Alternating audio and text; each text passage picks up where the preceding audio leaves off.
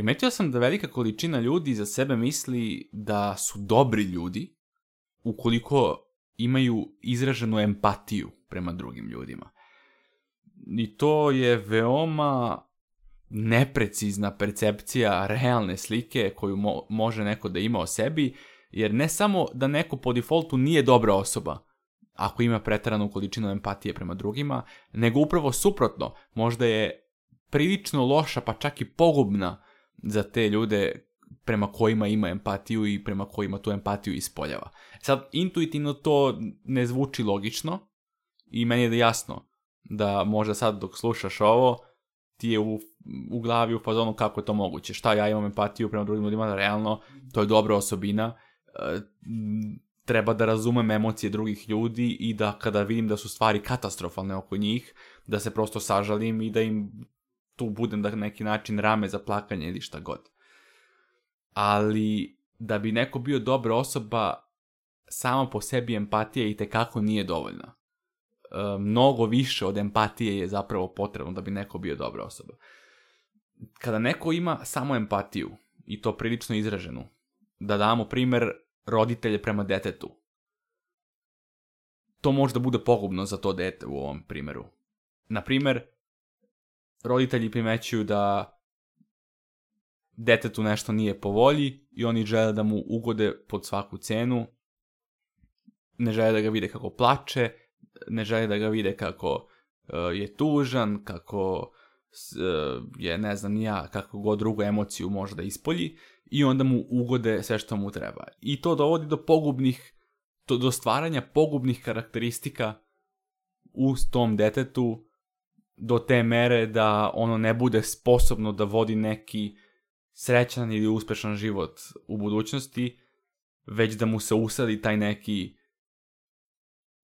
to se u narodu kaže razmaženost, ali dosta je kompleksnija mentalna slika koja se razvije u tom detetu u situaciji kada roditelji sve povlađuju i sve i sve, do, do, pušta, sve pušta. I sad, naravno, neki ljudi mogu da kažu, pa šta treba da uzem i da gledam svoje dete kako plače i kako vrišti, zato što mu nisam kupio to i to ili zato što ne znam ja šta. Naravno da ne, ali e, je mnogo gore, je mnogo bolja opcija da ga prosto pustiš da e, se isplače, i izvrišti, nego da ga smiriš tako što ćeš mu ipak kupiti to nešto ili šta god da je u konkretnom slučaju. Najoptimalnija opcija u tom slučaju je konkretno s detetom imati konstruktivan razgovor, koliko god to smešno zvuči, ali upravo to, dakle to je najbolja opcija, imati razgovor sa detetom kao da je odrasla osoba i simulirati situaciju kao što će imati u realnom životu kasnije. Dakle, ako hoćeš to, onda ovo. Prosto napravi se kompromis između e, tebe i deteta kao između dve odrasle osobe. Na taj način dete s, e, dobija pravu percepciju realnosti i zna kako treba da se ophodi u toj situaciji kasnije kada e, odraste i kada bude imao ozbiljnu, o, ozbiljnu situaciju, a ne ovu sa primjerom da treba da se kupi nešto i dok je dete. Ali e, da se vratim na, te, na e, priču sa empatijom, malo sam e, izdetaljisao ovaj primer, ali, na primer, neko vidi beskućnika i oseti u sebi empatiju i pomisli u uh, kako je njemu loše, uh kako je ovo problem, sad zima je, on spava, na primer, na ulici, nema šta da obuče, nema novca, nema kuću, nema nikoga oko sebe. I sad neko će da oseti tu empatiju i samo će da prođe u sebi misleći da je dobra osoba jer je osetio to. I ako, ako osoba pored te osobe koja je to osetila kaže da nije osetila empatiju i da je hladnokrvno pogledala tog beskućnika i prošla, ova osoba sa empatijom će da pomisli na, za tu osobu koja nema empatiju da je loša osoba i da je moralno ispod nje što je, što je potpuno banalno i pogrešno. Jer e, zapravo ono što može da se desi je da ta osoba koja je hladnokrvna priđe e, tom beskućniku, hladnokrvno mu pukne šamar i kaže ajde ustaj, e, nema više ležanja, imam posao za tebe, hoću da se natrtaš ovde u, u 8 ujutro sutra, e, radit ćeš 8 sati, plata je tolika i tolika, da nisam čuo reč. To i dalje može da bude ovoj empa, osobi sa empatijom da, da i dalje izgleda, da kažem, surovo. U fazonu, ne može, on možda nema ovo, pusti, uh, kako će on to, uh, nije jeo danima, ja ovo, ja ono. Dok hladnokrana osoba koja ima empatiju, ali i ima okruženje uh, oko te empatije bogato drugim emocijama takođe, izgledat će surovo toj osobi koja ima samo empatiju, ali na duže staze ta osoba koja je kompletnija, da kažem, uh, je zapravo ta prava dobra osoba. Tako da osobe koje su razmažene su zapravo žrtve svo, uh, svojih preterano empatičnih roditelja, da kažem i to je veoma teško lečiti. Kada neko odraste razmažen, ja mislim da je veliki problem da posle nauči da se vrati u realnost, posebno ako nije u mogućnosti, ako ti roditelji koji su mu davali sve u detinstvu više nisu u mogućnosti da mu, da, da mu daju,